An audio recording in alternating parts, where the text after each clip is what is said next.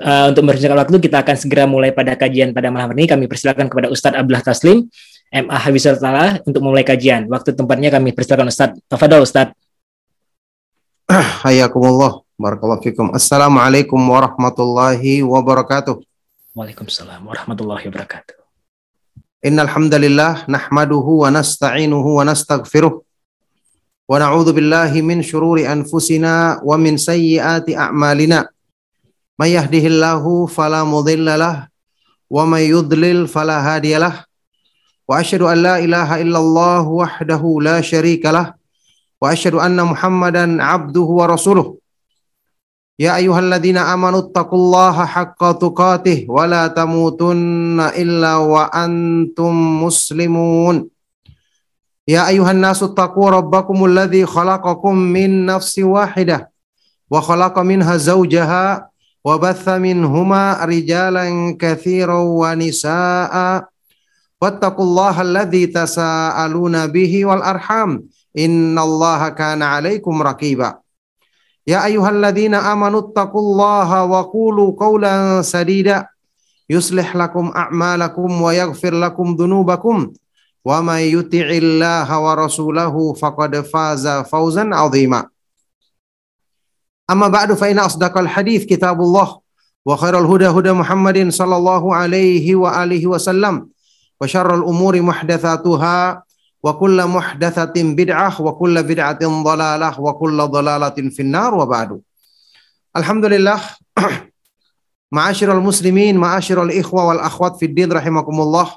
Bapak Ibu ikhwan dan akhwat peserta kajian sahabat ilmu Darmais yang semoga antum semua senantiasa dirahmati oleh Allah Subhanahu wa taala, senantiasa mendapatkan penjagaan dan dimudahkan kebaikan untuk urusan dunia dan akhirat. Alhamdulillah kita bersyukur kepada Allah Subhanahu wa taala. Dengan taufiknya kita dipertemukan kembali di malam hari ini dalam lanjutan kajian kita membahas kitab yang sangat bermanfaat kitab Fiqhul Asmaul Husna. Memahami nama-nama Allah Subhanahu wa taala yang maha indah. Tulisan dari guru kita Syekh Al-Allamah Syekh Abdul Razak bin Abdul Muhsin Al-Badar hafizahumullahu taala Ikhwan dan akhwat fiddin rahimakumullah saya ingatkan kembali mempelajari kitab ini adalah mempelajari tentang kemahaindahan nama-nama dan sifat-sifat Allah Subhanahu wa taala. Kita mempelajari tentang sesuatu yang paling didambakan oleh hati kita. Makanya tetap jaga semangat. Tentu tetap jaga keikhlasan. Tetap niatkan kebaikan dalam menuntut ilmu yaitu raf'ul jahal anin nafs, menghilangkan ketidakfahaman tentang agama apalagi tentang masalah yang menyangkut landasan utama iman yaitu mengenal Allah Subhanahu wa taala untuk menumbuhkan rasa cinta, takut dan berharap kepada Allah yang setelah itu kita akan menyempurnakan ibadah dan penghambaan diri kita kepadanya. Oleh karena itu, kita selalu ingatkan ya bahwa dengan cara inilah dengan taufik dari Allah kita akan bisa menumbuhkan kecintaan kita kepada Allah yang akan merubah ibadah kita menjadi lebih indah. Zikir kita, bacaan Al-Qur'an kita lebih bermakna. Demikian pula doa dan ibadah-ibadah yang lain. Kita masih ingat pernyataan dari Imam Ibnu Qayyim Ibnu Qayyim al-Jauziyah rahimahullah taala yang mengatakan Man arafallaha bi asma'ihi wa sifatihi wa af'alihi ahabbahu la mahalata barang siapa yang mengenal Allah dengan nama-namanya yang maha indah sifat-sifatnya yang maha tinggi perbuatan-perbuatannya yang maha terpuji maka dia pasti akan mencintai Allah Subhanahu wa taala maka kesungguhan kita dalam mempelajari ilmu ini menunjukkan bahwa kita perhatian tentang upaya kita mengenal pencipta kita yang maha agung dan maha tinggi. Kita perhatian untuk mengisi hati kita dengan iman yang benar. Mudah-mudahan dengan sebab ini Allah Subhanahu wa taala akan membalas sesuai dengan kesungguhan kita. Fadhkuruni adzkurkum. ya. Ingatlah kalian kepadaku maka aku akan ingat kepadamu. Jadi sesuai dengan bagaimana kita berusaha mengenal Allah, mengingat Allah, tidak melalaikan Allah Subhanahu wa taala, maka sesuai dengan itulah perhatian, pertolongan dan kemudahan dalam kebaikan yang Allah Subhanahu wa taala berikan kepada kita. Barakallahu fikum. Ma'asyiral ikhwa wal akhwat fid din rahimakumullah, peserta kajian sahabat ilmu Darmais, hafidhakumullah. Saat ini kita akan melangkah di pembahasan nama Allah Subhanahu wa taala yang berikutnya termasuk dari Al Asmaul Husna, nama-nama Allah yang maha indah yaitu Al Wahhab. Maha pemberi karunia, maha pemberi anugerah. Al Wahhab ya di antara nama Allah Subhanahu wa taala yang maha indah. Ini tentu saja di antara nama-nama Allah Subhanahu wa taala yang kalau kita renungkan dengan benar itu akan semakin menjadikan kita cinta dan selalu mengagungkan Allah Subhanahu wa taala. Karena semua nikmat yang ada pada diri kita sumbernya dari Allah. Dia Maha memberikan, Maha melimpahkannya. Bahkan banyak nikmat-nikmat yang mungkin tidak pernah kita berpikir untuk memintanya, Allah Subhanahu wa taala berikan kepada kita. Ya, sejak kita masih dalam kandungan ibu kita, kita belum tahu meminta kita bayi, kita belum tahu meminta. Allah Subhanahu wa taala berikan semua. Subhanallah setelah itu kita dewasa mendapatkan hidayah, mengenal Islam, mengenal sunnah Rasulullah Sallallahu Alaihi Wasallam. Wallahi nama-nama Allah yang seperti ini dan banyak di dalam nama-nama Allah Subhanahu Wa Taala yang maha indah seperti Al-Mannan, ya, maha pemberi karunia. Belum lagi nama-nama Allah Subhanahu Wa Taala yang menunjukkan kebaikannya Nama-nama yang seperti ini kalau kita renungkan akan semakin menguatkan kecintaan kita, penyandaran hati kita, pengharapan kita, sekaligus rasa takut kita kepada Allah Subhanahu wa taala. Maka beruntunglah kita sempat untuk mempelajari ilmu yang maha, ilmu yang agung ini yang memperkenalkan kita tentang kemahaindahan nama-nama Allah dan kemahatinggian sifat-sifatnya. Taib ikhwan dan akhwat fiddin rahimakumullah. Kita baca keterangan yang disebutkan oleh Syekh Abdur, Syekh Abdul Razak hafizahullah taala. Wa huwa ismun ya. Kata Syekh Abdul Razak, wa huwa ismun yatakarraru. Wa ismun takarrara fil Qur'anil Karim fi thalathati mawadhi'. Qala Allah Ta'ala, a'udzu billahi minasyaitonir rajim, Rabbana la tuzigh qulubana ba'da idh hadaitana wa hab lana min ladunka rahmatan innaka antal wahhab. Nama Allah ini takarrara ya disebutkan berulang kali di dalam Al-Qur'an di tiga tempat, di tiga ayat. Pertama di surat Ali Imran ayat ke-8. Rabbana, ya doanya orang-orang yang beriman. Rabbana la tuzigh qulubana. ya Allah, janganlah engkau memalingkan hati kami setelah engkau berikan petunjuk kepada kami. Dan hablana, berikanlah, anugerahkanlah kepada kami rahmat dari sisimu. Innaka antal wahhab, sesungguhnya engkau adalah maha pemberi karunia maha pemberi anugerah. Subhanallah. Perhatikan doa ini termasuk doa yang sangat pantas untuk kita hafal dan sering ucapkan. Hati yang menyimpang ini berarti kebinasaan dan kecelakaan. Tidak ada yang bisa menyelamatkan kita kecuali dengan pertolongan Allah. Dengan rahmatnya. Dan ini kita mohon kepada Allah subhanahu wa ta'ala dengan menyebut namanya Al-Wahhab sebagaimana yang disebutkan di ayat ini.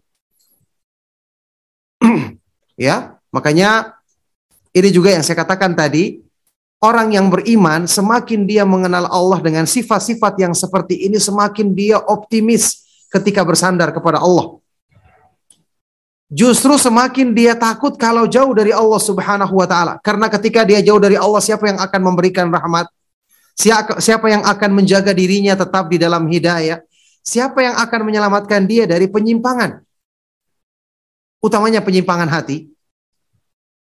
Nah, surat Al-Imran ayat yang ke-8. Itu penyebutan yang pertama nama Allah Al-Wahhab. Yang kedua, di surat Sad ayat ke-9. Am indahum khazainu rahmati rabbikal azizil wahhab.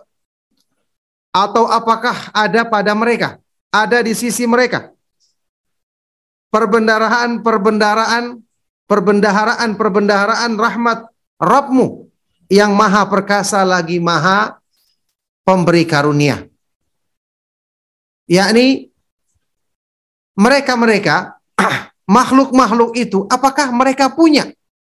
Apakah mereka menguasai perbendaraan rahmat Allah Subhanahu wa taala? Saya kenapa kita harus berharap atau takut kepada makhluk tersebut? Bukankah mereka tidak memiliki semua itu? Allah Subhanahu wa taala di tangannya lah segala khazain.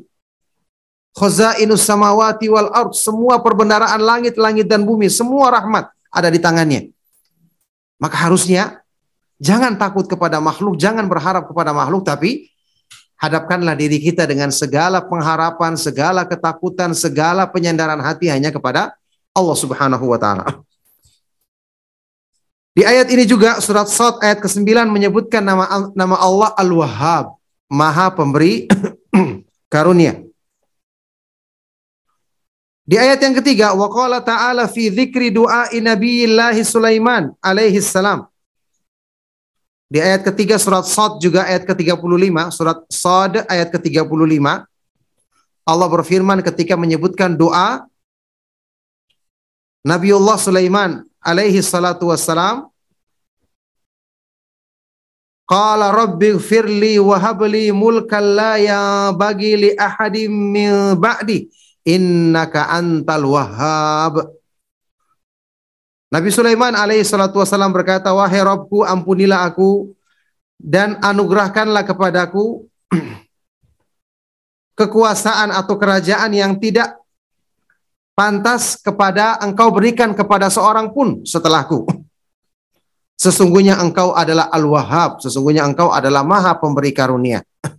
yakni Allah Subhanahu wa taala jadikan ini sebagai kekhususan bagi Nabi Sulaiman alaihissalatu wassalam bisa menguasai menundukkan jin yang kemudian bekerja di bawah perintahnya, menundukkan angin dan yang lainnya. ya, Tentu semua dengan izin Allah Subhanahu wa taala yang itu Allah Subhanahu wa taala tidak berikan kepada yang lain.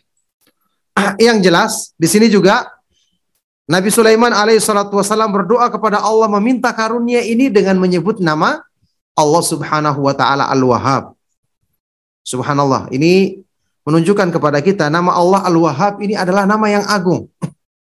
ya, kita teringat dengan penisbatan yang diberikan oleh orang-orang yang benci dakwah sunnah tentu ya penisbatan yang mereka maksudkan untuk celaan dengan menamakan dakwah tauhid, dakwah yang mengikuti ya pemahaman salaf atau dakwah sunnah yang sesungguhnya mereka namakan dengan wahabi.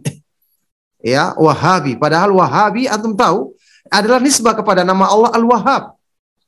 Jadi dia mengandung arti sama dengan Rabbani nisbah kepada nama Allah Rabb. Ya, seharusnya ini adalah nisbat kemuliaan karena dinisbatkan kepada nama Allah Subhanahu wa taala, apalagi namanya Al-Wahhab. Berarti mengandung makna ketika dikatakan seorang itu Wahabi berarti orang ini selalu mendapatkan karunia Allah Subhanahu wa taala. Maka subhanallah ini celaan tapi kandungan maknanya adalah pujian. Dan tentu saja tujuan mereka adalah untuk menjelek-jelekan tapi alhamdulillah ya, penisbatan seperti ini adalah penisbatan yang menunjukkan kemuliaan karena dinisbatkan dengan nama Allah Subhanahu wa taala yang maha indah. Baik.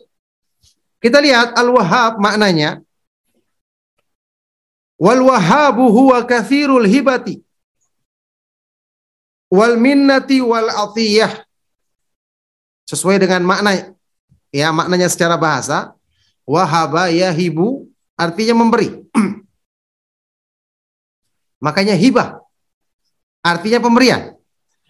Sehingga Al-Wahhab adalah kathirul hibati yang maha luas limpahan karunianya, limpahan anugerahnya, wal minnati karunianya dan atiyah dan pemberiannya. Allah maha luas ya banyak, maha luas dan maha banyak limpahan karuniahnya, anugerahnya dan pemberiannya kepada manusia. Bahkan tidak ada satupun nikmat yang ada pada manusia kecuali semua dari Allah Subhanahu wa taala. Wa ma bikum min ni'matin famin Allah.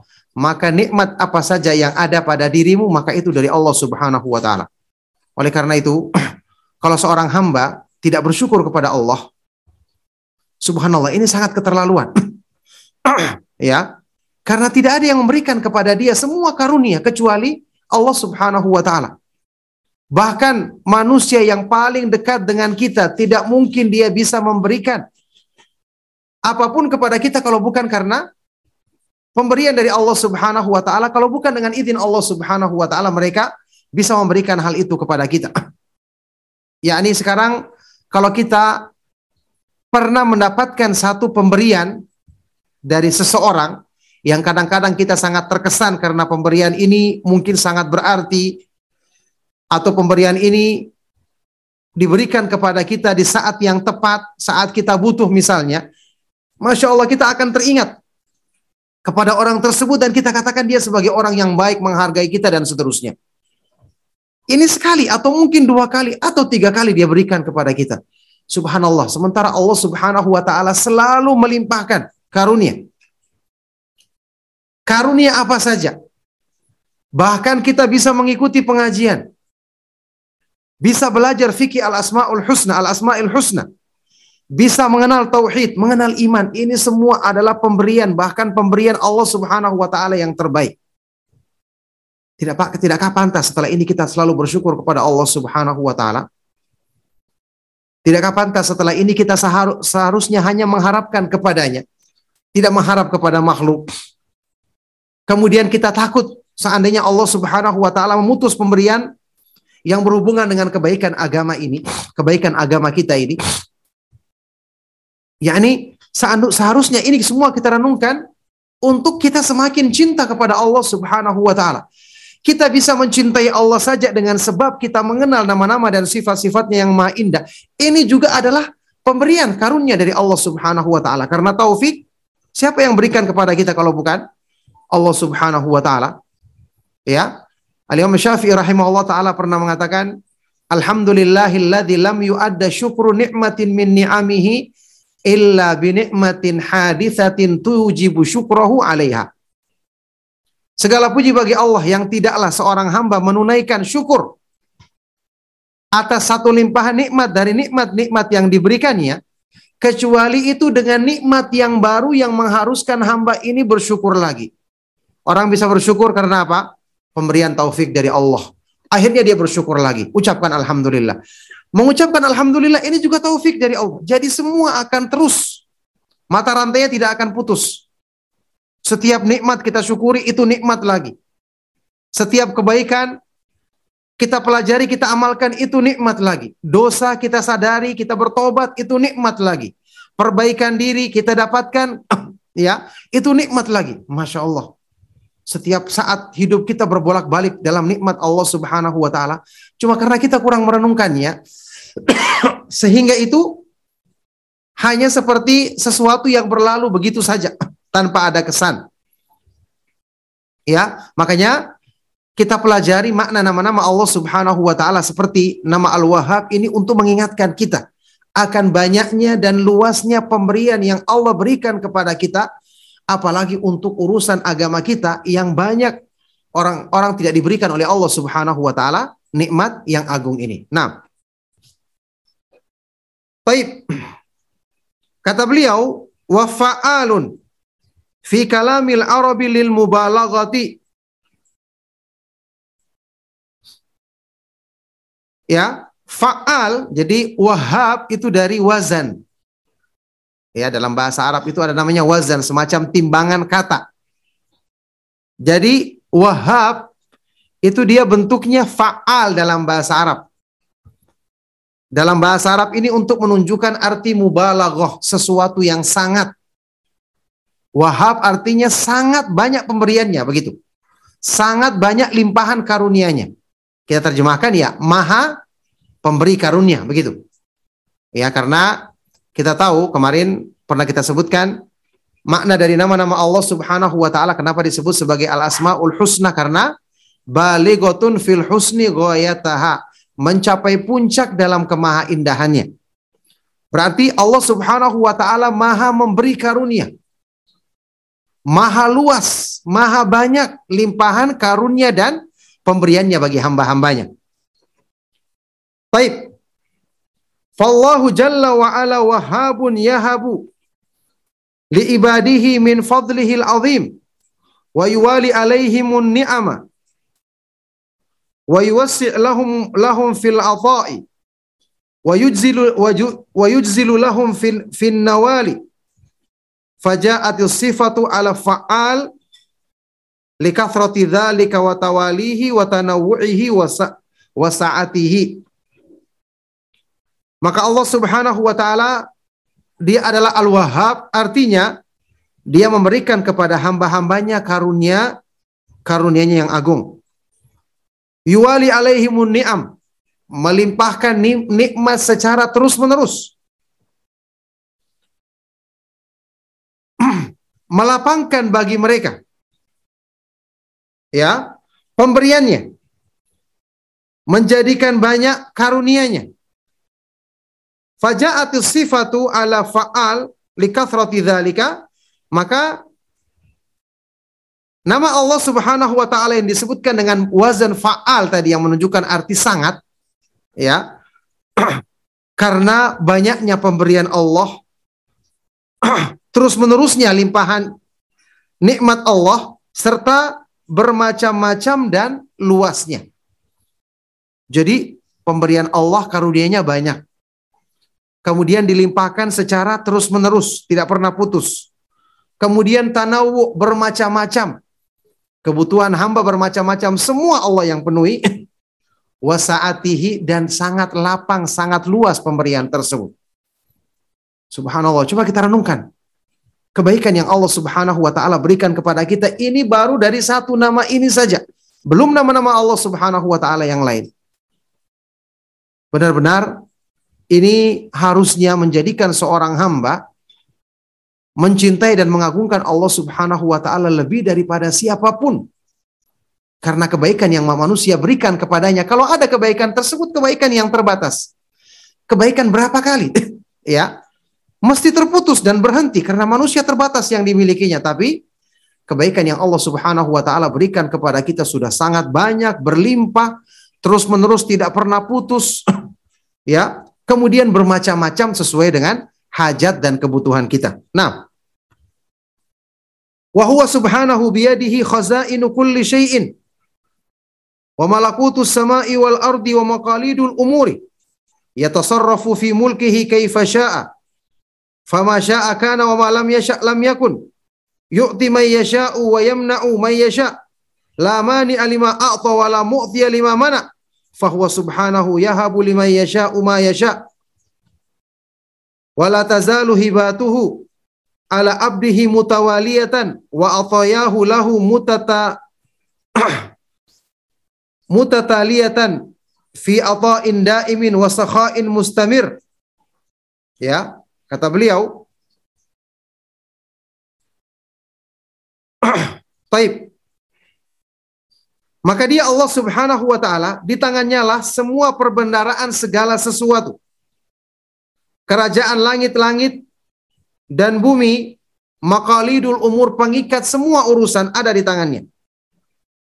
Allah berbuat dalam kerajaannya sesuai dengan apa yang dikehendakinya apa yang Allah kehendaki akan terjadi dan apa yang tidak dikehendakinya tidak akan terjadi. Allah memberikan kepada siapa yang dikehendakinya dan menghalangi bagi siapa yang dikehendakinya. Tidak ada yang bisa menghalangi apa yang Allah berikan sebagaimana tidak ada yang bisa memberikan apa yang Allah halangi. Maka Allah Subhanahu wa taala dialah yang memberikan kepada siapa yang dikehendaki apa yang dikehendakinya dan senantiasa pemberian-pemberian Allah pada hambanya mutawaliyah, selalu berkesinambungan, tidak pernah putus. Limpahan-limpahan karunianya demikian pula selalu ya berkesinambungan ada pada hambanya. Dalam pemberian yang terus-menerus kedermawanan yang tidak pernah putus ya. Yajudu bin nawali qabla su'ali qabla su'al. Dia memberikan permintaan hamba bahkan sebelum hamba itu meminta. Min hini wudhi'atin nutfatu fir rahim. Sejak nutfah ya sejak air mani bercampur di dalam rahim fani amuhu wahibatuhu lil janini fi batni ummihi daratun maka nikmat dan pemberian-pemberian Allah bagi seorang janin di dalam kandungan ibunya itu selalu berlimpah Allah berikan. Yurabbihi ahsana tarbiyatin. Allah Subhanahu wa taala yang mendidiknya, yang menjaganya dengan sebaik-baik penjagaan. Idza wada'athu ummuhu atafa alaihi walidayhi. Ya.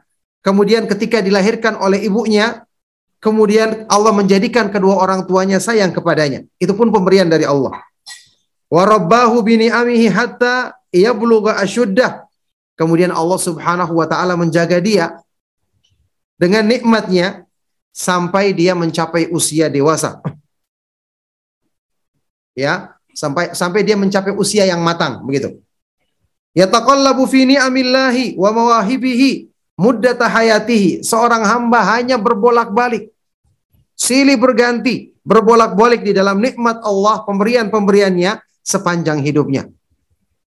Fa idza kanat hayatuhu 'alal imani wa taqwa fahadhihi asyrafu hibatin. Maka jika seorang hamba itu hidupnya di atas keimanan dan ketakwaan kepada Allah, maka ini adalah pemberian Allah yang paling agung untuknya.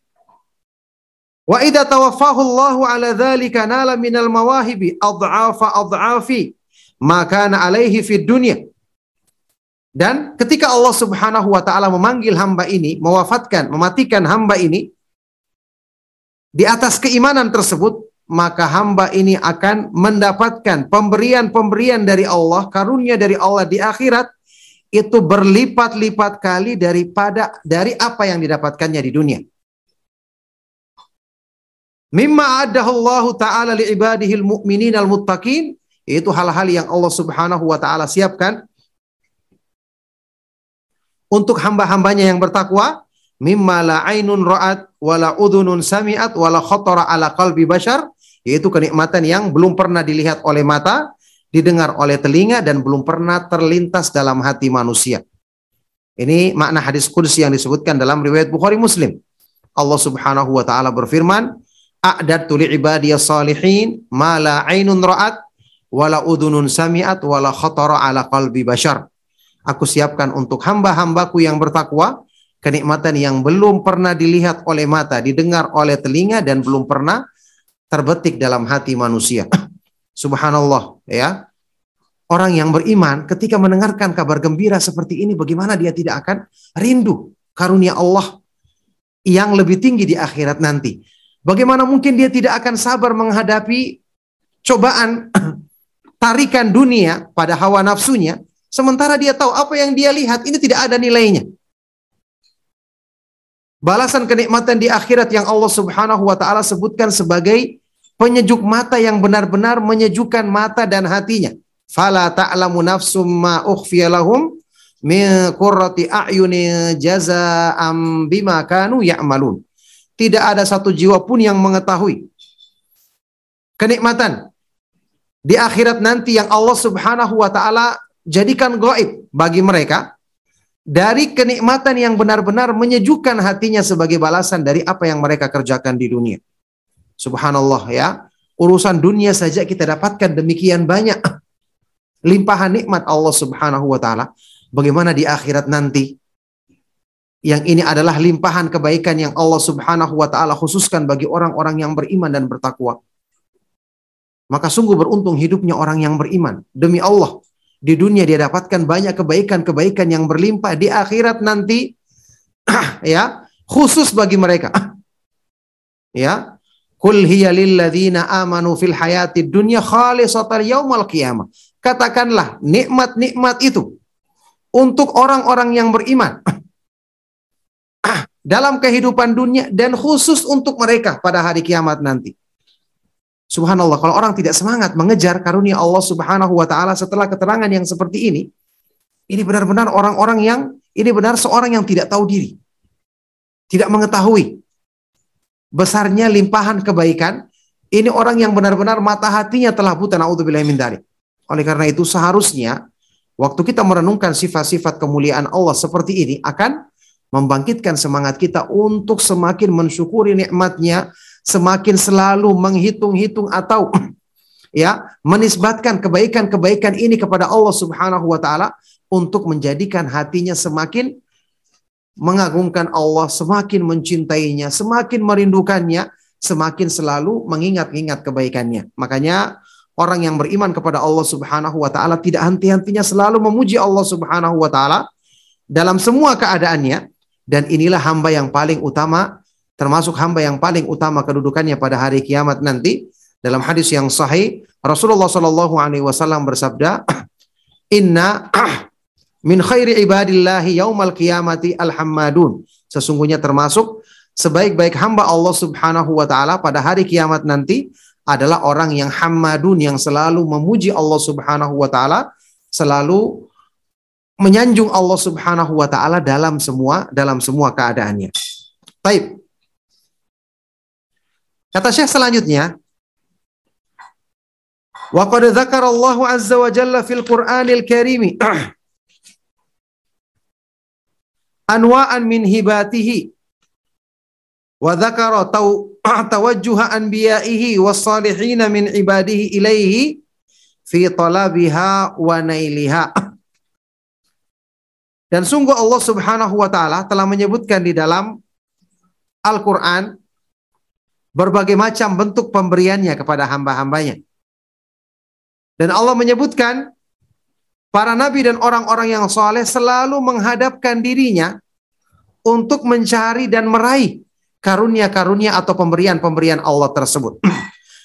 Apalagi utamanya yang berhubungan dengan pemberian iman. Istiqomah di atas Islam dan sunnah. Kemudahan memahami tauhid. Menjauhi perbuatan syirik, perbuatan bid'ah dan penyimpangan-penyimpangan yang lainnya.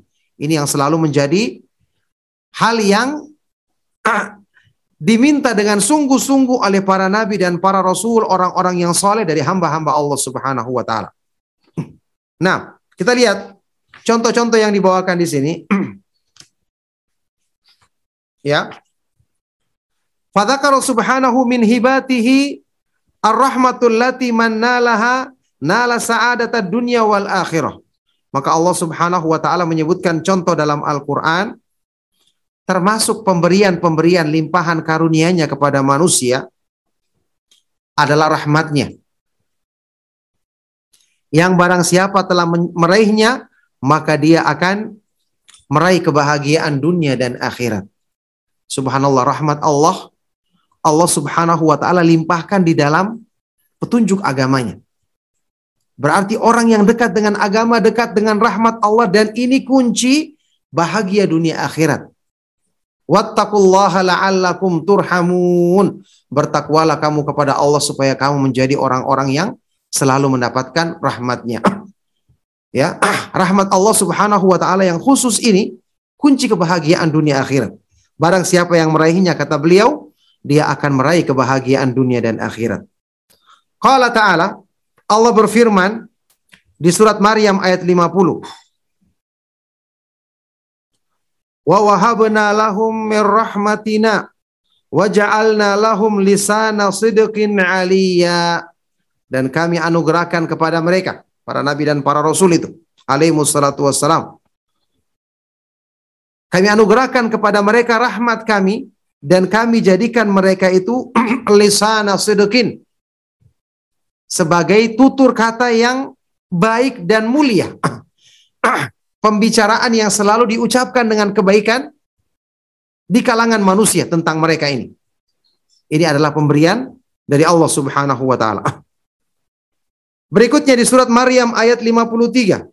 Wa wahabna lahu mir rahmatina akhahu Haruna nabiyya dan kami anugerahkan kepadanya kepada Nabi Musa alaihissalatu wassalam rahmat kami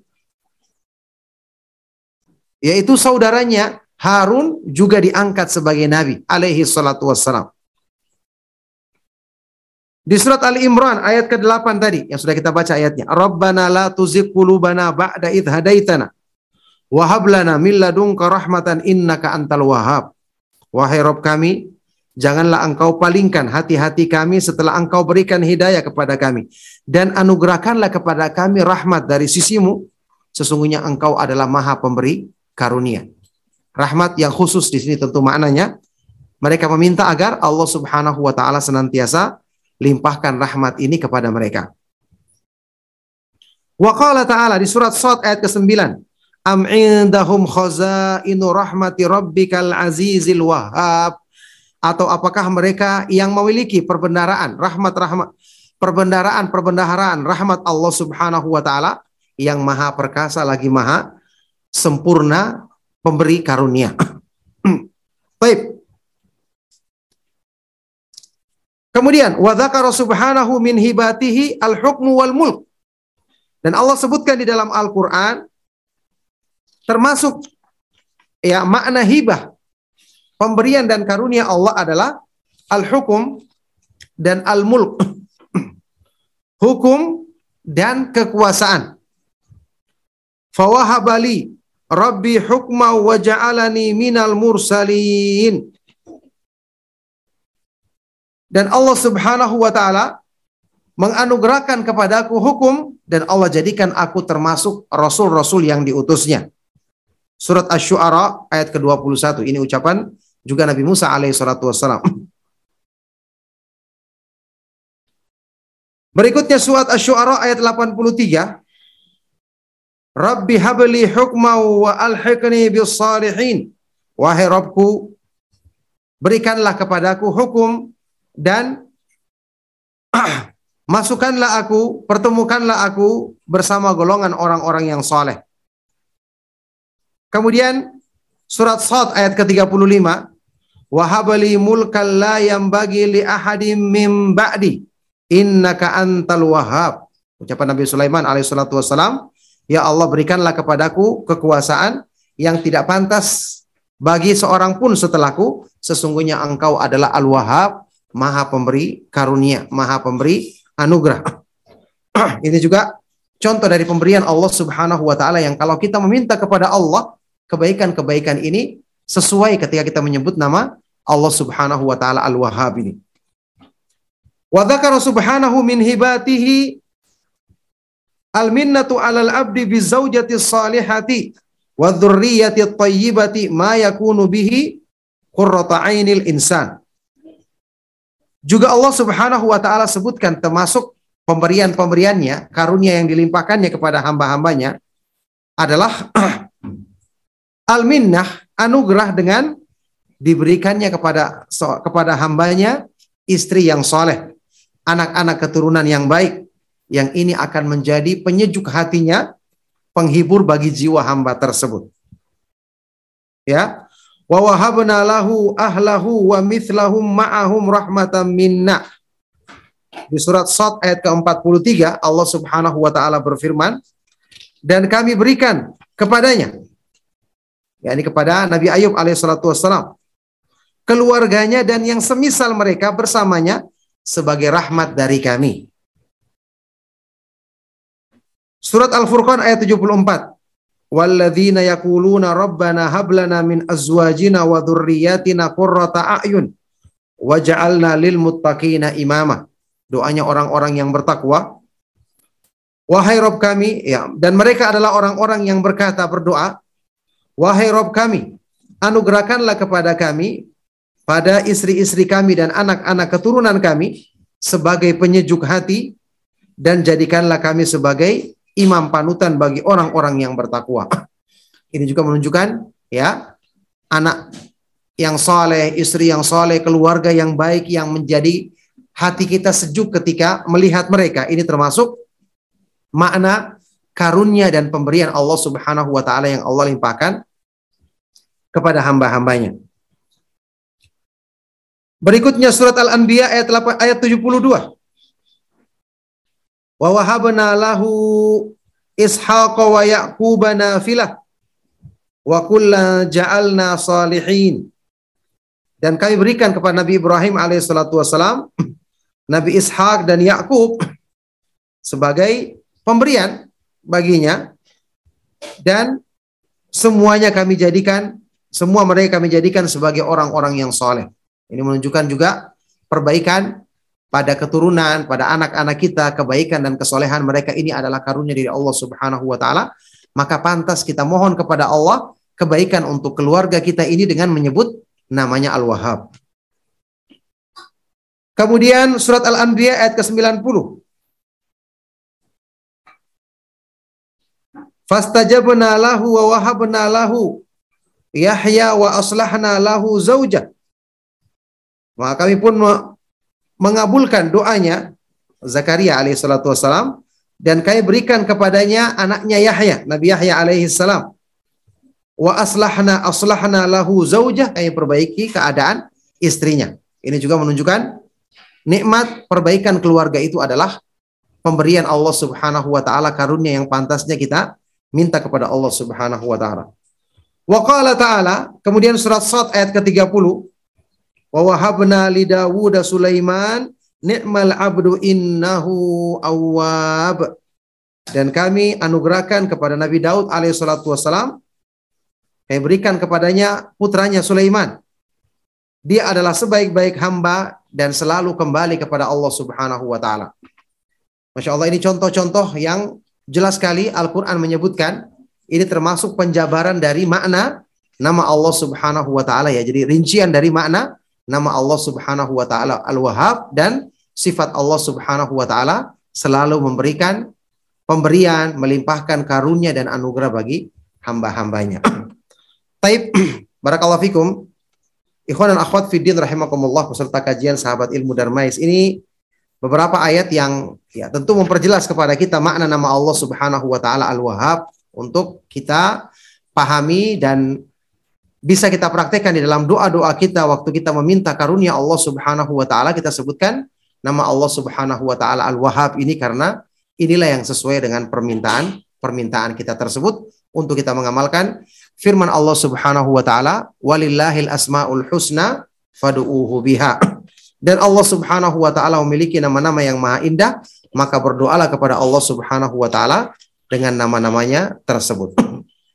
Tapi insya Allah cukup sampai di sini apa yang kita bisa baca di kesempatan malam hari ini ya. Tentang makna berikut penjabaran dan contoh-contoh uh, perincian dari makna nama Allah Subhanahu wa taala Al-Wahhab yang disebutkan di dalam ayat-ayat Al-Qur'an yang tadi kita baca dan nukilkan. Barakallahu fikum, semoga apa yang kita bahas dan kita kaji bermanfaat untuk kebaikan iman kita, untuk kebaikan dunia dan akhirat kita. Kita beri waktu untuk uh, yang ingin bertanya di waktu yang tersisa maka saya persilakan. Sallallahu wasallam wa barak ala nabiyina Muhammad wa ala alihi wa sahbihi ajma'in walhamdulillahi rabbil alamin. Silakan kalau ada pertanyaan. Masya Allah, jazakallah khair, Ustadz atas pemaparan materi yang sangat uh, jelas dan baik sekali. Uh, baik, uh, kepada seluruh peserta kajian, kita akan masuk ke dalam sesi kedua yaitu sesi tanya jawab.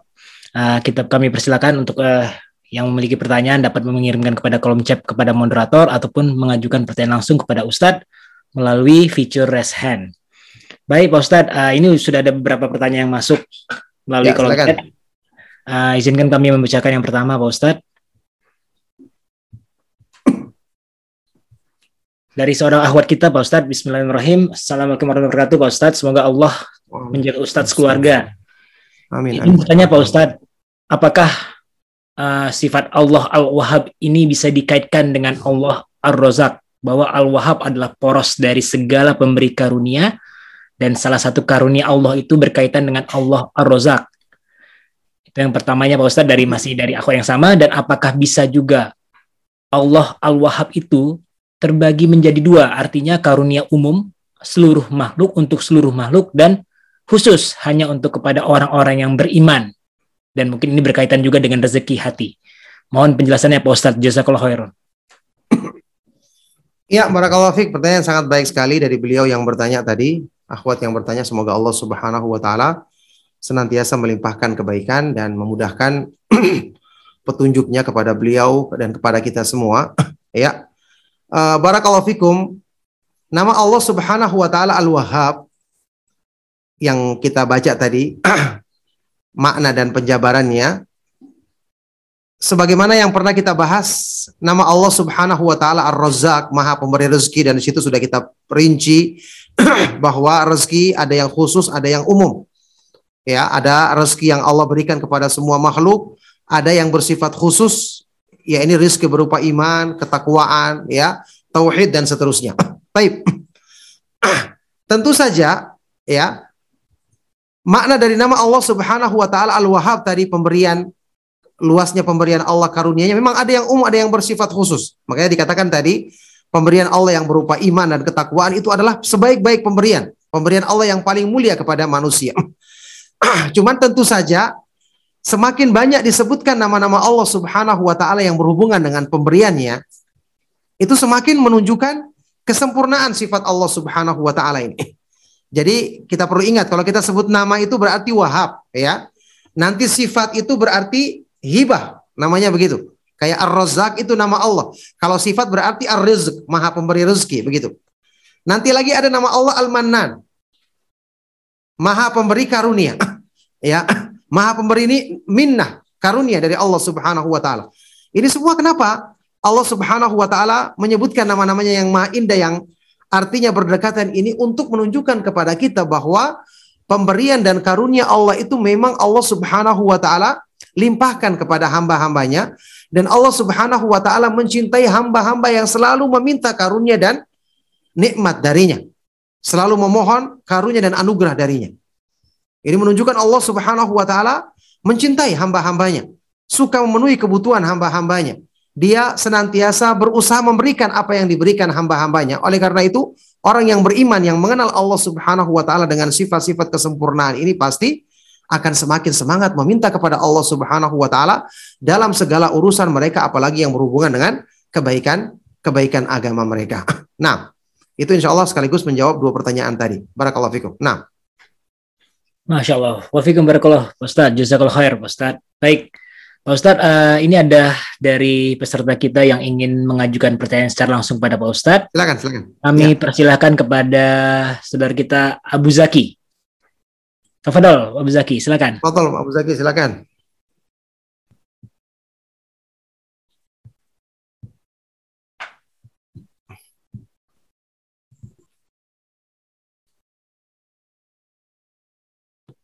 Baik, terima kasih atas waktunya.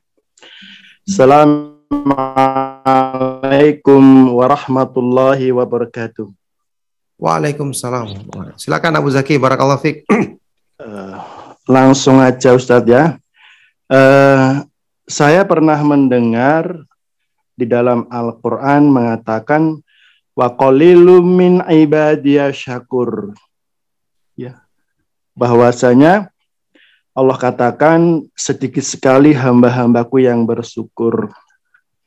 Kemudian uh, Umar bin Khattab ketika itu mendengar ayat ini dia berdoa kepada Allah, "Ya Allah, jadikanlah saya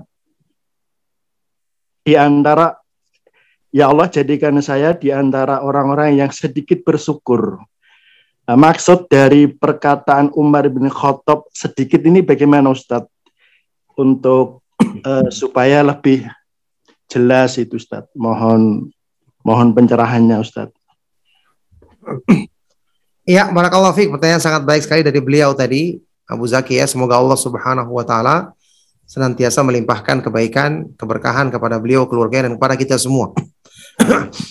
Iya, uh, riwayat ini saya sampai sekarang tidak pernah tahu tentang sahih tidaknya. Cuman jelas sekali Allah Subhanahu wa taala berfirman di ayat Al-Qur'an tadi wa qalilum min syakur dan sangat sedikit di antara hamba-hambaku yang benar-benar bersyukur. Permintaan Umar Ibn Khattab, ya Allah jadikanlah aku sebagai orang yang sedikit yang benar-benar bersyukur tadi. Itu maksudnya. Bukan berarti Umar meminta untuk sedikit bersyukur ya, tidak mungkin. Mungkin salah terjemahan itu kalau salah dibaca atau salah diingat. Makna permintaan Umar Ibn Khattab tadi adalah dia meminta supaya menjadi hamba-hamba Allah yang sedikit. Karena Allah mengatakan wa qalilun. Sedikit sekali di antara hamba-hambaku yang benar-benar bersyukur, maka dia meminta agar menjadi orang-orang yang sedikit ini yang selalu bersyukur kepada Allah. Nah, jadi itu maksudnya permintaan dari beliau tadi. Karena Allah Subhanahu wa taala menyebutkan hanya sedikit yang bersyukur, maka dia minta. Jadi golongan yang sedikit tersebut yang mereka selalu bersyukur kepada Allah Subhanahu wa taala. Nah, barakallahu fiik. Wafikum barakallah. Jazakallah khair Pak Ustaz. Uh, mudah-mudahan itu bisa menjawab pertanyaan dari saudara kita Pak Abu Zaki. Uh, kita masih ada beberapa pertanyaan lagi dari dari kolom chat Pak Ustadz. Ya, izinkan kami uh, membacakannya. Yang berikutnya dari salah satu ikhwan kita ingin bertanya kepada Pak Ustadz. Assalamualaikum warahmatullahi wabarakatuh. Uh, apakah benar kalau kita menghafal Asmaul Husna, maka kita akan masuk surga? Itu yang pertama, Pak Ustadz. Dan yang kedua adalah, manakah yang lebih baik dalam menghafal Asmaul Husna? Apakah dengan menggunakan al, jadi seperti Ar-Rahman, Ar-Rahim, atau menggunakan ya, seperti Ya Rahman, Ya Rahim? Jazakumullah khairan, Pak Ustadz, atas, penjelasannya. Iya, barakallahu fiik. Pertanyaan yang sangat baik sekali dari beliau yang bertanya. Semoga Allah Subhanahu wa taala senantiasa memudahkan limpahan kebaikan dan rahmatnya kepada beliau dan juga kepada kita semua. Ya, menghafal Asmaul Husna disebutkan di dalam hadis yang sahih riwayat Imam Al-Bukhari dan Muslim. Rasulullah SAW bersabda, Inna lillahi tis'atan wa tis'ina isman, mi'atan illa wahidan. Man ahsaha dakhalal jannah. Sesungguhnya Allah Subhanahu wa taala memiliki 99 nama, 100 kurang satu barang siapa yang menghitungnya maka dia masuk surga. Kalau kita merujuk kepada penjelasan para ulama misalnya dalam kitab Fathul Bari dan yang lainnya itu disebutkan bahwa makna menghitung di sini bukan cuma sekedar menghitung saja. Karena kita diperintahkan dalam ayat yang tadi kita baca untuk mengamalkannya dalam doa dan ibadah kita. Artinya kita fahami kandungannya sehingga kita bisa praktekkan. Kalau sekedar menghitungnya ini tidak ada zikir yang seperti itu dalam Islam. Misalnya ya Rahman, ya Rahim, ya ini tidak ada. Semua dalam kalimat yang sempurna. Dalam doa misalnya kayak tadi ya uh, apa ini doa yang disebutkan di dalam Al-Qur'an, Rabbana la qulubana dan seterusnya. Ya Allah janganlah engkau palingkan hati-hati kami. Di akhirnya innaka antal wahhab. Sesungguhnya engkau adalah al-wahhab, maha pemberi karunia. Rabbi firli warhamni innaka antal ghafurur rahim. Wahai Rob kami, ampunilah kami, rahmatan, rahmatilah kami, sungguhnya engkau maha pengampun lagi maha penyayang. Kan itu doa-doanya Rasulullah SAW. Tidak pernah Rasulullah SAW mengajarkan dan tidak para sahabat, tidak ada satupun dalil yang menyebutkan beliau mengajarkan hanya menyebut nama Allah saja. Ya Allah, ya Allah, ya Allah. Tidak ada zikirnya yang seperti ini. Ya Rahman, ya Rahman, ya Rahman, ya Rahim, ya Rahim. Tidak. Karena kita panggil Allah terus seperti apa? Harusnya kita sebutkan doa kita apa atau kita wujudkan dalam ibadah kita misalnya kita tahu Allah Subhanahu wa taala Maha melihat maka kita hanya berusaha melakukan hal-hal yang diridhoi oleh Allah baik ketika kita di hadapan orang lain ataupun sendiri karena kita tahu Allah Maha melihat. Ini maksudnya prakteknya. Makanya Ibnu Qayyim rahimahullah taala menjelaskan dalam kitab Bada'iul Fawaid ya bahwa makna al-ihsa dalam hadis tadi makna al-ihsa dalam hadis tadi ya menghitung, barang siapa yang menghitung atau menghafalnya, beliau sebutkan ada tingkat tiga tingkatan. ya, pertama menghitung lafadznya atau nama-nama Allah Subhanahu wa taala tersebut. Yang kedua, memahami kandungan maknanya. Yang ketiga, mengamalkan kandungannya. ya, ini yang praktikannya dalam doa dan ibadah kita. Jadi bukan cuma sekedar kita menghafalnya, tentu saja kita pertama hafal dulu nama-nama Allah Subhanahu wa taala yang sesuai dengan dalil dari Al-Qur'an dan hadis-hadis yang sahih. Adapun nama-nama Allah Subhanahu wa taala yang dikumpulkan di dalam sebagian dulu itu ya Quran terjemahan di sampulnya atau di beberapa tempat kadang-kadang di poster begitu ini semua tidak benar. Itu disebutkan di dalam hadis yang disepakati kelemahannya oleh para ulama kata Syekhul Islam Ibnu Taimiyah rahimahullah taala. Jadi kita ikuti apa yang dikumpulkan oleh para ulama seperti contohnya Syekh Abdul Razak juga mengumpulkan nama-nama Allah 99 tersebut. Syekh Ibnu Utsaimin juga di dalam kitab Al-Qawaidul Muthla mengumpulkannya dan para ulama yang terdahulu juga mengumpulkannya. kita pahami dan kita hafalkan nama-nama tersebut, kemudian pahami kandungannya. Makanya kita belajar sekarang fikih Asmaul Husna untuk memahami hal ini.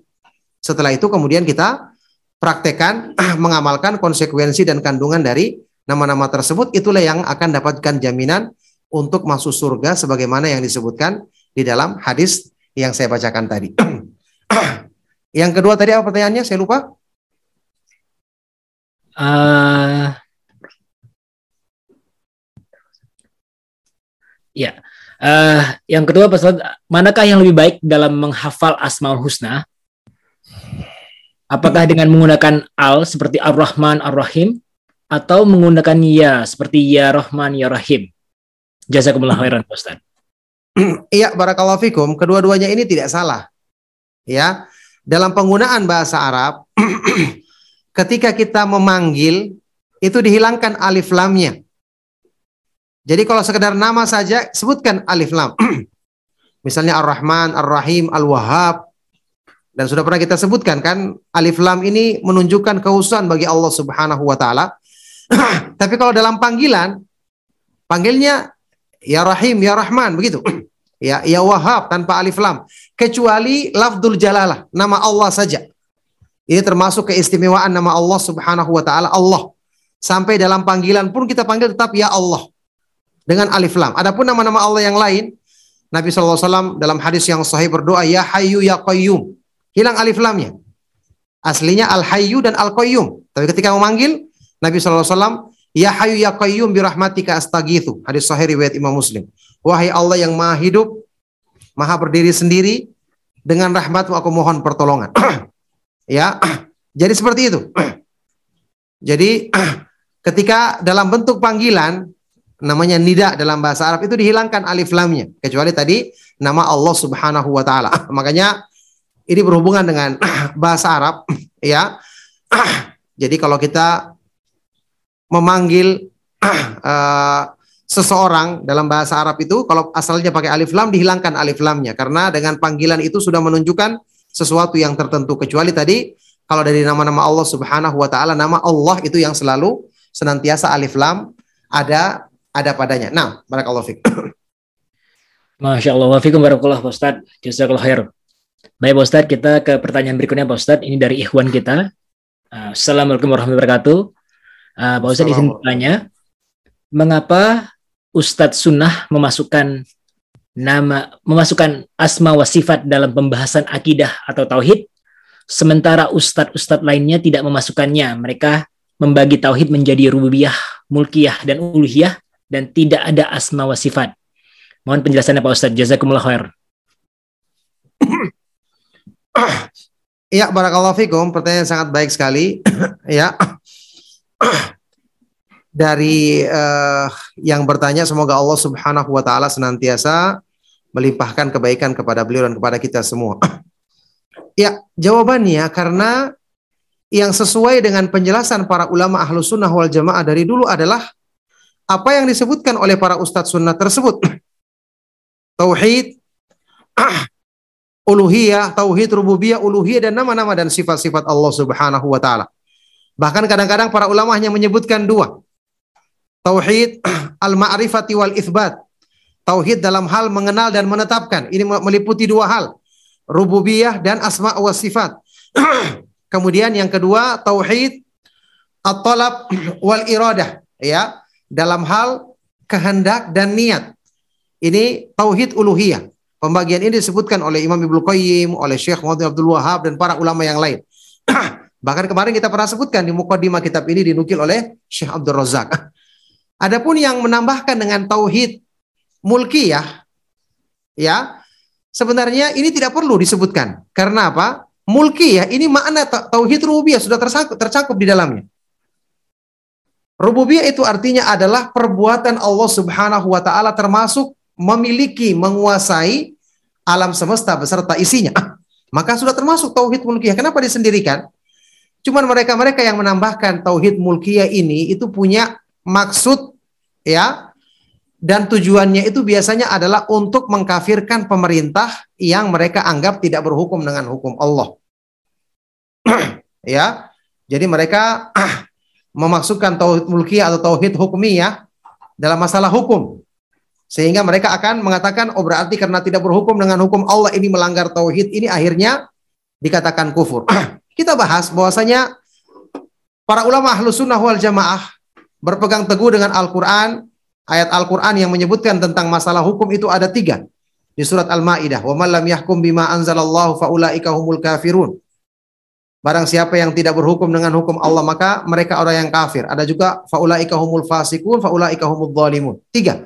Tiga ayat menyebutkan. Berarti tidak semua dikatakan kafir. Ada orang-orang yang berhukum dengan selain hukum Allah dia belum paham atau mungkin ada orang yang terpaksa, ada orang yang mungkin disuap padahal dia meyakini hukum Allah itu yang benar. Ini jelas harus dirinci hukumnya. ya. Makanya kita merujuk kepada pemahaman para ulama ahlu sunnah wal jamaah, mereka tidak menyebutkan tambahan tersebut. Jadi sumber tambahan ini dari mana sumbernya? Apakah ada pada penjelasan Syekhul Islam Ibnu Taimiyah, Ibnu Qayyim dan para ulama sebelumnya? Ternyata tidak ada. Para ulama ahlu sunnah wal jamaah, Syekh bin Bas, Syekh Ibnu Taimin, Syekh Muhammad bin Abdul Wahab, Ibnu Qayyim sebelumnya dan seterusnya, mereka tidak menyebutkan kecuali seperti yang tadi kita sebutkan tiga, ya, rububiyah, uluhiyah dan asma wa sifat atau yang dengan pembagian dua tadi ya, yang pertama sudah mencakup rububiyah dan asma wa sifat, kemudian yang kedua tauhid uluhiyah. Nah, barakallahu fikum. Fikum barakallah jazakallah Pak Ustaz. Baik Pak Ustaz, uh, kita lanjut ke pertanyaan berikutnya. Uh, ini, ini ada dari salah satu ikhwan kita kembali Pak Ustaz. Uh, Assalamualaikum Pak Ustaz. Uh, izin bertanya, uh, dalam suatu majelis sunnah, Ana pernah mendengar bahwa doa yang sifatnya umum itu lebih baik. Uh, namun uh, lupa hadisnya Pak Ustadz. Misalnya kebaikan dunia akhirat dan lain-lain. Sementara penggunaan has, asmal husna mengarah ke nama-nama Allah yang khusus.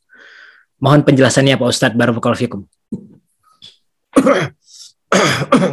Iya, Barakallahu Fikum uh, penjelasan tadi adalah penjelasan yang benar, tidak bertentangan. ya. Kita menyebutkan doa dalam bentuk umum tetapi Nabi Shallallahu alaihi wasallam ayat-ayat Al-Qur'an itu menyebutkan doa yang bersifat khusus. Karena berhubungan dengan kebutuhan kita. Ya, tentu kita minta kebaikan dunia akhirat. Pengampunan dosa. Tapi ada dosa-dosa yang kita lakukan yang jelas-jelas kita tahu dosa tersebut, kita sebutkan secara khusus. Pernah berbuat dosa apa kita sebutkan rinciannya. Ketika memohon ampun kepada Allah Subhanahu wa taala karena ini kata para ulama termasuk syarat dari tobat yang dikatakan tobat yang nasuh. Seperti penjelasan yang diterangkan oleh Syekh Salim Al-Hilal dalam tulisan beliau tentang masalah syarat tobat nasuh. Kita sebutkan rinciannya. Jadi kita sebutkan dulu secara umum cakupan dosa kita baru kemudian kita mohon ampun atas dosa-dosa yang kita ingat agar ya Allah Subhanahu wa taala mengampuni dosa-dosa tersebut.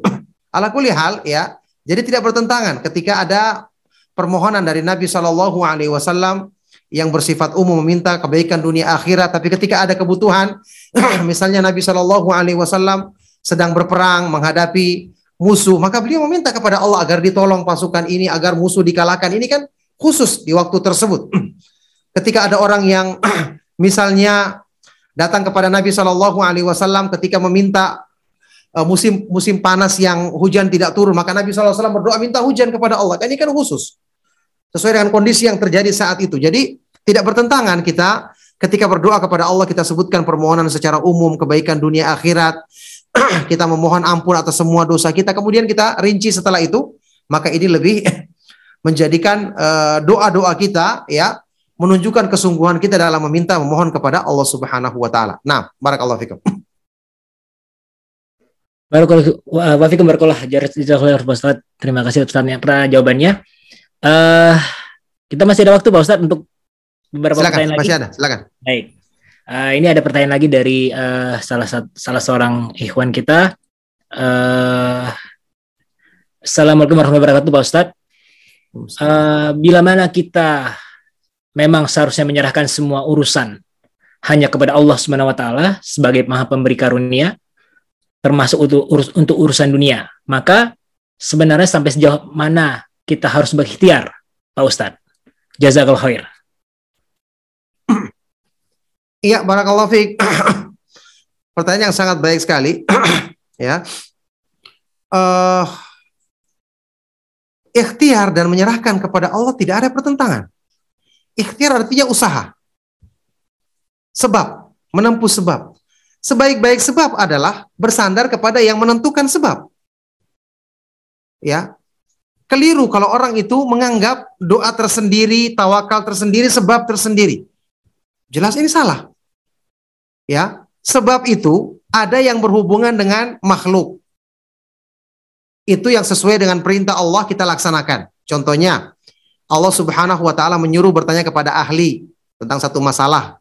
Ketika kita butuhkan satu permasalahan, kita tanya kepada yang ahli, butuh kesehatan, tanya kepada orang yang ahli kesehatan, dokter atau siapa. Kita butuh perbaikan sesuatu, tanya kepada ahli, misalnya kendaraan rusak ya kepada mekanik, tukang bengkel dan seterusnya. ya. Ini termasuk usaha yang diperbolehkan selama tidak bersandar kepada mereka, diperbolehkan. ya. Kemudian diperbolehkan melakukan sebab ketika kita butuh rezeki. Kita ah, melakukan usaha yang halal. Tetapi sebelum kita lakukan semua itu, ya, sebaik-baik usaha adalah kita minta kepada yang pemberi rezeki, yang maha penyembuh, yang maha kuasa atas segala sesuatu. Kan aneh kalau kemudian kita mengatakan ini bukan termasuk usaha. Lah jadi usaha itu maksudnya apa? Ya, apakah yang kita sandarkan kepada makhluk kita anggap itu sebagai usaha? Penyadaran kepada Allah itu bukan usaha. Justru yang namanya bersandar kepada Allah adalah sebaik-baik usaha. Karena yang menentukan segala hasil dari usaha adalah Allah Subhanahu wa taala. Masa kita lebih bergantung kepada makhluk yang tidak menentukan apa-apa? Kita anggap ini usaha kemudian bersandar kepada yang menentukan segala sesuatu bukan usaha. Oleh karena itu Ibnu Qayyim rahimahullah taala menyebutkan dalam kitab Ad-Da'u wa Dawa Laisa syai'un minal asbabi anfa'u minad du'ai wala ablagu fi husulil matlubi minhu. Tidak ada sesuatu pun dari sebab-sebab yang Allah syariatkan, sebab-sebab yang ada, tidak ada satupun yang lebih bermanfaat dibandingkan doa dan lebih besar pengaruhnya dalam mencapai apa yang kita inginkan dibandingkan melebihi doa. Ya ini boleh kita lakukan sebab yang lain, tapi doa ini selalu menyertai kita. Karena kita ingat ini yang menentukan adalah Allah. Pemilik segalanya adalah Allah. Jadi di awal kita usaha kita berdoa. Di tengah-tengah perjalanan kita berdoa lagi. Di akhirnya kita berdoa. Bahkan usaha yang kita lakukan, kita jadikan ini sebagai sekedar melaksanakan perintah Allah, tapi sandaran hati kita kepada Allah Subhanahu wa taala. Jadi ukurannya selalu dalam semua yang kita lakukan harus selalu bersandar kepada Allah Subhanahu wa taala karena inilah yang menjadi sebab kecukupan dari Allah Subhanahu wa taala. Makanya tawakal yang benar Allah jamin di dalam Al-Qur'an Wa may yatawakkal 'ala Allahi fahuwa hasbuh. Barang siapa yang bertawakal kepada Allah Subhanahu wa taala, maka Allah Subhanahu wa taala akan mencukupinya. Nah, barakallahu fiik. Mafikum barakallah. Jazakallah khair Pak Ustaz. Baik Pak Ustaz, kita lanjut ke pertanyaan berikutnya Pak Ustaz. Ini kembali pertanyaan dari uh, salah satu ikhwan kita. Assalamualaikum warahmatullahi wabarakatuh Pak Ustaz. Uh, mohon izin bertanya, apakah kita boleh uh, berdoa dengan menggunakan doa-doa yang di dipanjatkan oleh para rasul seperti tadi oleh uh, Asad uh, ayat 35 ataupun uh, yang lainnya dalam Al-Qur'an. Dan apakah ini lebih utama dibandingkan doa sendiri yang kita baca sendiri oleh bahasa kita? Jazakallah khair Ustaz. Ya, barakallahu fikum. Pertanyaan sangat baik sekali dari beliau yang bertanya. Semoga Allah Subhanahu wa taala senantiasa memudahkan kebaikan bagi beliau dan kepada kita semua. Ya tentu saja sebaik-baik doa pasti doa dari Al-Quran karena itu doa-doa pilihan. Doa-doa dari hadis-hadis Rasulullah Sallallahu Alaihi Wasallam jelas lebih baik daripada doa-doa yang kita sebutkan sendiri karena doa dari Nabi SAW ini adalah doa yang merupakan pilihan. Apalagi beliau mengucapkan sesuatu merupakan wahyu dari Allah Subhanahu Wa Taala. Cuman kan di antara doa-doa ini ada yang kita harus lihat maknanya. Ada yang tidak pantas. Contoh tadi permintaan Nabi Sulaiman alaihissalatu wassalam. ya berikanlah habli mulkan la yang bagi li ahadin li ahadin min ba'di berikanlah kepadaku kekuasaan yang tidak pantas bagi orang setelahku kita minta, minta yang seperti ini kan tidak benar karena ini berhubungan dengan kekhususan yang Allah Subhanahu wa taala berikan kepada Nabi Sulaiman alaihissalatu wassalam karena sebagai seorang nabi. Jadi di antara doa-doa tersebut ada yang kita lihat kalau maknanya itu merupakan kekhususan bagi nabi misalnya, maka tentu tidak bisa kita kita memintanya, ya. Karena kita tahu ada kan larangan melampaui batas dalam berdoa. Misalnya ada yang berdoa, ya Allah jadikanlah aku sebagai nabi. Ya kan ini tidak benar. Ya Allah berikanlah hidayah kepada iblis. Nah ini orang kurang kerjaan namanya. ya Allah subhanahu wa ta'ala telah menetapkan iblis laknatullah alaih sebagai uh, makhluk yang kufur ya. bahkan menyebabkan manusia tergoda untuk menjadi kufur, maka tidak boleh kita melampaui batas dalam doa. Jadi asalnya doa-doa yang disebutkan dalam Al-Quran dan Sunnah ini doa yang terbaik ya ada sebagian doa yang mungkin ada makna khususnya ini yang tentu tidak bisa kita ucapkan ya cuman jelas ya doa-doa dari Al-Quran dan Sunnah pastinya lebih baik daripada doa yang kita ucapkan dari dari diri kita sendiri. Barakallahu fikum. Nah. Masya Allah. Fikum barakallah. Jazakallah Pak Ustadz. Baik Pak Ustadz, ini kita masih ada beberapa pertanyaan lagi Pak Ustadz. Silakan, uh, apa? Ya. Pertanyaan baik Pak Ustadz. Uh, ini pertanyaan berikutnya adalah dari uh, salah seorang akhwat kita Pak Ustadz. Assalamualaikum warahmatullahi wabarakatuh Pak Ustadz. Mohon izin bertanya. Apakah perbedaan nama Allah Al-Ahad dengan Al-Wahid yang sama-sama bermakna Esa atau Tunggal? Mohon penjelasannya Pak Ustadz. Jazakallah khair. Iya, barakallahu fikum. Kemarin waktu kita ya pertanyaan sangat baik sekali ya. Semoga Allah Subhanahu wa taala senantiasa melimpahkan kebaikan kepada antum yang bertanya dan kepada kita semua. Kemarin waktu kita membahas nama Allah Al-Ahad dan Al-Wahid, uh, Syekh tidak menjelaskan lebih rinci tentang perbedaannya. Dua-duanya menunjukkan makna yang satu dan sudah kita ketahui semakin banyak nama Allah Subhanahu wa taala yang menunjukkan makna kemahaindahan, berarti semakin sempurna, ya. Bahkan kita ketahui nama-nama Allah Subhanahu wa taala yang seperti ini maknanya dekat itu banyak termasuk tadi misalnya Al-Wahhab, nanti ada Al-Mannan, itu dekat-dekat maknanya. Al-Manan maha pemberi karunia, Al-Wahhab maha pemberi anugerah. Nanti Ar-Razzaq juga maha pemberi rezeki. ya. Nanti ada Al-Ghafur, Al-Ghaffar. Maha pengampun. Ada At-Tawwab, maha penerima tobat. Al-Afu, maha pemaaf. Ya. Ada sebagian yang kadang-kadang ke Syekh jelaskan perbedaannya karena ada keterangan yang mungkin beliau dapatkan. Adapun kemarin masalah Al-Wahid dan Al-Ahad ini tidak disebutkan rinciannya. Yang jelas kita yakini semakin banyak nama nama Allah Subhanahu wa taala yang menunjukkan makna kemahaindahan dan kemahasempurnaan sifat-sifat Allah, maka itu semakin menunjukkan kemuliaan. Barakallahu fikum. Nah. Wafikum barakallahu jazakallahu Pak Ustaz. Uh, kita lanjut ke pertanyaan berikutnya Ustaz. Ini ada pertanyaan dari uh, salah seorang akhwat kita. Assalamualaikum warahmatullahi wabarakatuh Pak Ustaz. Waalaikumsalam. Apa yang harus kita lakukan agar pemberian dari Allah Subhanahu wa taala sebagai Al-Wahhab yang kita harapkan itu cepat diberikan oleh Allah Subhanahu wa taala kepada kita Pak Ustaz. Jazakallahu khair Pak Ustaz. Iya, barakallahu fiik pertanyaan yang sangat baik sekali. Semoga Allah Subhanahu wa taala senantiasa menambah kebaikan kepada anti yang bertanya dan kepada kita semua. Iya. yang harus kita lakukan pertama kita harus meyakini Allah Subhanahu wa taala maha sempurna sifat-sifatnya maka Allah yang maha mengetahui. Sedangkan manusia tidak mengetahui. Wallahu ya'lamu wa antum la ta'lamun. Allah maha mengetahui sedangkan kamu tidak mengetahui. Jadi pertama kita meyakini kesempurnaan sifat-sifat Allah. Adapun sifat manusia penuh dengan kekurangan. Yang kedua, kita bersangka baik selalu kepada Allah, berpengharapan baik kepadanya. Karena Allah Subhanahu wa taala berfirman, Ana inda dhanni abdi bi. Aku ini sesuai dengan persangkaan atau pengharapan hamba kepadaku. Maka sehubungan dengan pertanyaan tadi, apa yang harus kita lakukan agar pemberian kita cepat dikabulkan oleh Allah Subhanahu wa taala? Ini sudah salah dari asalnya. Siapa yang mengatakan bahwa apa yang antum minta, apa yang Anda minta pasti baik, sehingga Allah kalau kabulkan berarti jadi baik? Ini kan salah. Yang Anda minta belum tentu baik. Allah Subhanahu wa taala Maha mengetahui apa yang baik untuk kita. Makanya lebih bagus kita minta kepada Allah, kita sandarkan kepada ilmunya seperti doa dalam istikharah.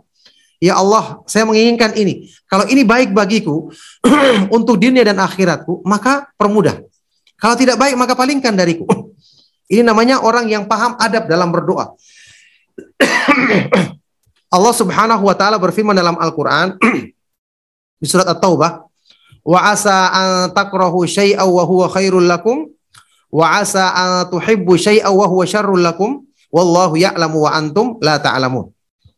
Bisa jadi wahai manusia kamu membenci sesuatu padahal dari situlah kebaikan untukmu atau boleh jadi kamu menyukai sesuatu padahal dari situlah keburukan untukmu. Allah Maha mengetahui dan kamu tidak mengetahui. Makanya kita berdoa mohon kepada Allah. Ini keutamaan sudah mendapatkan pahala. Masalah pengabulan kita serahkan kepada Allah karena Allah lebih tahu pengabulan mana yang baik untuk kita. Apa yang paling kita butuhkan. Sementara kita kita hanya meminta sesuai dengan nafsu kita, sesuai dengan pengalaman kita anggap ini baik padahal belum tentu baik untuk kita. Makanya doa itu disebutkan di dalam hadis sahih riwayat Imam Muslim, Rasulullah SAW bersabda, "Ma min muslimin yad'u bida'watin laisa fiha ithmun wala qati'atu rahimin illa a'tahu Allahu ihda thalath." Tidaklah seorang muslim berdoa dengan satu doa yang tidak ada padanya dosa atau memutus hubungan kekerabatan kecuali Allah berikan satu dari tiga kemungkinan. Imma an yu'ajjila lahu da'watahu. Bisa jadi Allah segerakan pengabulan doanya. Allah mengetahui ini baik, maka Allah segerakan pengabulannya. Wa imma an fil akhir. Atau bisa jadi Allah jadikan ini sebagai simpanan kebaikan untuknya di akhirat. Allah tidak kabulkan di dunia tapi disimpan untuk akhiratnya. Apakah ini tidak baik? Di saat-saat kita butuhkan pahala di akhirat, Allah berikan dari doa-doa kita. Yang ketiga wa imma an yusrifa anhu minasu'i. Atau bisa jadi Allah palingkan darinya satu keburukan atau satu bencana yang akan menimpa dia yang sebanding dengan doa tersebut. Doa tidak dikabulkan, tapi Allah jadikan untuk penangkal bencana. Masya Allah, kita butuhkan. Bisa jadi bencana ini akan membinasakan kita kalau seandainya menimpa kita. Makanya kita bersangka baik kepada Allah. Jadi jangan kita menginginkan apa yang kita minta itu yang dikabulkan karena kita anggap itu yang baik. Belum tentu. Kita minta kepada Allah boleh, tapi kita sandarkan kepada Allah, ya Allah kalau ini baik, mudahkan, kalau tidak baik palingkan dariku. Itu caranya adab yang baik untuk kita praktekkan dalam doa kita. Nah, barakallahu fikum. Insyaallah fikum barakallah jazakallahu khair Pak Ustaz. Baik Pak Ustaz, uh, kita nih ada tinggal dua pertanyaan lagi Pak Ustaz. Insyaallah Pak Ustaz. Uh, baik uh, yang pertama adalah ini dari salah satu ikhwan kita juga Pak Ustaz. Assalamualaikum warahmatullahi wabarakatuh Pak Ustaz. Uh, Allah Subhanahu wa taala adalah Maha Pemberi karunia dan Maha Adil. Bagaimana pendapat Pak Ustadz dengan begitu banyaknya perbedaan kondisi dan rezeki manusia di muka bumi ini? Ada yang kaya, ada yang kekurangan, ada yang sehat, ada yang sakit, dan ada yang ada yang selalu dalam kesusahan, dan ada yang selalu dalam kesenangan. Mohon penjelasan Pak Ustadz. Jazakallah khair Pak Ustadz. ya, barakallahu fikum. Justru ya Pertanyaan ini pertanyaan yang baik sekali. Semoga Allah Subhanahu wa taala memberikan kebaikan kepada antum dan kepada kita semua. Nama Allah Subhanahu wa taala Al-Wahhab dan Maha Pemberi Karunia dan Allah Maha Adil, ya. Maka Allah Subhanahu wa taala memberikan keadaan yang berbeda-beda ini justru menunjukkan kesempurnaan sifat-sifat Allah Subhanahu wa taala.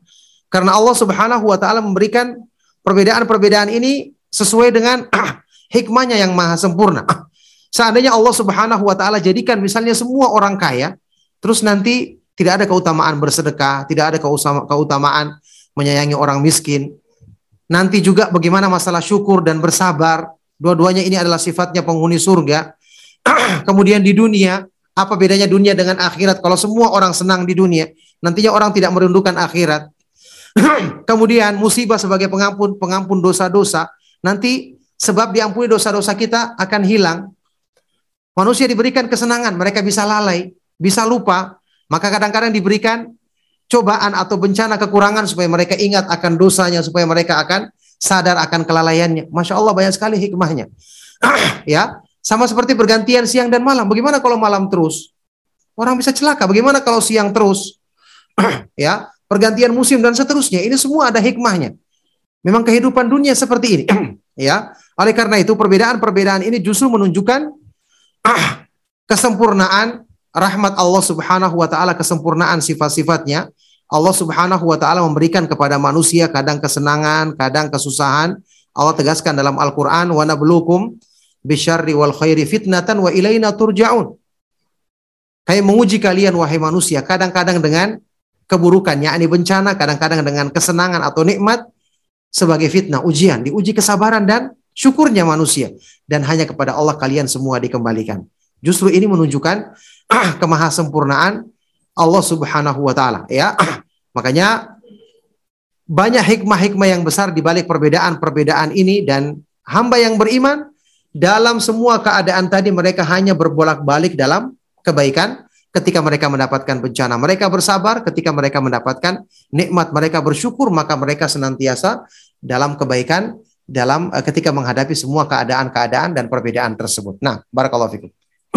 Masya Allah, fikum barakallah, jazakallah khair Pak Ustadz. Baik Pak Ustadz, kita ke uh, pertanyaan uh, yang terakhir dari dari uh, dari Ikhwan kita Pak Ustadz. Uh, Allah ada dua pertanyaan dari satu dari seorang iswa Ikhwan nih Pak Ustadz. Yang pertama adalah uh, Assalamualaikum warahmatullahi wabarakatuh Pak Ustadz. Apakah kita boleh mengharapkan karunia yang sifatnya duniawi Padahal ini dunia itu sebenarnya tidak ada apa-apa dibandingkan akhirat. Tapi kita mengharapkan sebanyak-banyaknya juga. Apakah masih boleh Pak Ustadz? Dan kedua adalah sebenarnya bagaimana bentuk dan cara bersyukur yang paling baik dan paling tepat kepada Allah Subhanahu wa taala Pak Ustadz. Jazakallah khair Pak Ustadz. Ya, barakallahu fiik. Pertanyaan yang sangat baik sekali. Semoga Allah Subhanahu wa taala senantiasa melimpahkan rahmat dan karunia-Nya kepada antum yang bertanya dan kepada kita semua. Ya, meminta karunia dunia dengan sebanyak-banyaknya. ya. Allah Subhanahu wa taala menyebutkan di dalam Al-Qur'an di surat Al-Baqarah ketika doa-doa yang dipanjatkan oleh sebagian orang di musim haji, wa minan nasi may yaqulu rabbana atina fid dunya wa ma lahu fil akhirati min khalaq. Dan di antara manusia ada orang-orang yang berdoa, ya Allah berikanlah aku kebaikan dalam urusan dunia saja dan tidak ada bagian untuknya di akhirat. Dicela. Wa minhum man yaqulu rabbana atina fid dunya hasanah wa fil akhirati hasanah wa qina adzabannar. Dan yang dipuji adalah di antara mereka ada yang berdoa, wahai Rabb kami berikanlah aku kebaikan, berikanlah kepada kami kebaikan di dunia dan di akhirat, kebaikan dan selamatkan api kami dari api neraka. meminta karunia untuk dunia semata-mata ini namanya meminta fitnah. Rasulullah SAW dalam hadis yang sahih bersabda, Inna likulli ummatin fitnah wa fitnatu ummati mal.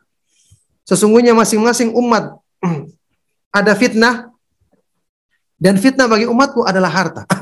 Jadi kalau meminta limpahan dunia sebanyak-banyaknya, ya tidak dikaitkan dengan agama ini aneh permintaan seperti ini. Kayak orang itu meminta fitnah untuk dirinya. Sementara dia bisa meminta kepada Allah Subhanahu wa taala limpahan karunia tapi dikaitkan dengan agama. Ya Allah berikanlah kepadaku rezeki yang berkah. Berikanlah kepadaku kecukupan untuk urusan duniaku dan engkau berkahi. Lindungi aku dari fitnahnya. Kan bagus yang seperti ini. ya. Allah Subhanahu wa taala Maha mengetahui keadaan kita.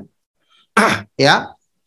Dan ketika kita meminta keberkahan, maka ini menjadi sebab kita terlindung dari fitnahnya harta dan terbukti banyak orang-orang yang terfitnah dengan harta. Harusnya kita tahu diri kita mengetahui orang lain terfitnah, apalagi Nabi SAW mengatakan fitnah bagi umatku adalah harta, masa kita seperti menantang? Ini kan tidak boleh yang seperti ini. Bukan sifatnya orang yang bertakwa. Dan belum tentu seseorang itu ketika diberikan harta yang banyak, dia bersyukur. Sama ketika diberikan harta yang yang sempit, dia bisa bersabar. Belum tentu. Makanya karena kita belum tahu kondisi kita, dan Allah yang maha tahu, harusnya kita selalu gandengkan permintaan kita dengan apakah engkau ridhoi apa tidak ya Allah. Begitu harusnya. Jadi minta kepada Allah ya Allah berikanlah aku kebaikan-kebaikan dalam urusan dunia. Berikanlah aku rezeki yang berlimpah yang engkau berkahi ya. Mudahkanlah aku jika ini mendatangkan kebaikan bagimu. Minta yang Allah Subhanahu wa taala Maha mengetahui itu adalah kebaikan kebaikan bagi kita.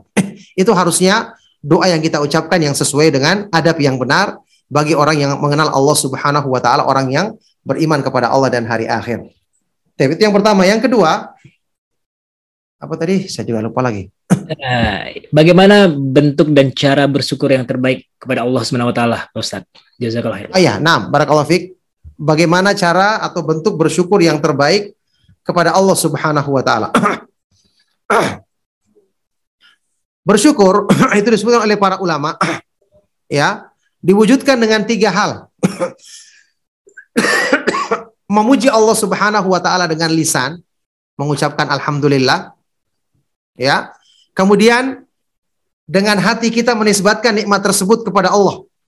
Kita akui dan kita nisbatkan, kita ah, sandarkan bahwa itu adalah nikmat dari Allah Subhanahu wa taala, kemudian anggota badan kita mengamalkan nikmat tersebut dalam hal-hal yang diridhoi oleh Allah Subhanahu wa taala. Inilah cara menunaikan syukur. Jadi di lisan memuji Allah, di hati mengakui itu kepada Allah dan anggota badan menggunakannya di jalan yang diridhoi oleh Allah Subhanahu wa taala.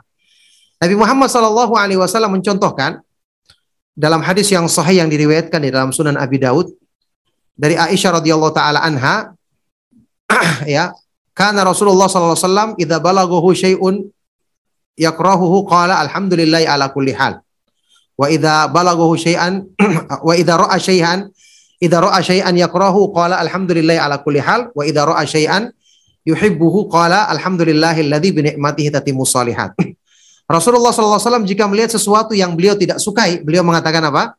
Alhamdulillahi ala kulli hal. Segala puji bagi Allah dalam semua keadaan. Dan kalau beliau melihat sesuatu yang beliau senangi, maka beliau mengatakan Alhamdulillahilladzi bi ni'matihi tatimu salihat. Segala puji bagi Allah yang dengan limpahan nikmatnya sempurnalah kebaikan-kebaikan bagi hambanya. Maka Masya Allah ini contoh ah, memuji Allah dalam semua keadaan dan ini contoh perwujudan syukur yang benar kepada Allah Subhanahu wa taala yang dicontohkan oleh nabi kita yang mulia Nabi Muhammad sallallahu alaihi wa alihi wasallam. Tapi barakallahu fikum ini pertanyaan yang terakhir yang menutup perjumpaan kita di kesempatan malam hari ini. Sekali lagi mohon maaf atas segala yang salah dan kurang. Saya cukupkan sampai di sini. Sallallahu wasallam wa barak ala nabiyina Muhammad wa ala alihi wa sahbihi wa man tabi'ahum bi isanin ila yaumiddin. Walhamdulillahi rabbil alamin. Subhanakallahumma bihamdika Asyhadu an la ilaha illa anta astaghfiruka wa atubu ilaik. Wassalamualaikum warahmatullahi wabarakatuh. Waalaikumsalam warahmatullahi wabarakatuh. ارجعي إلى ربك راضية مرضية فادخلي في عبادي وادخلي جنتي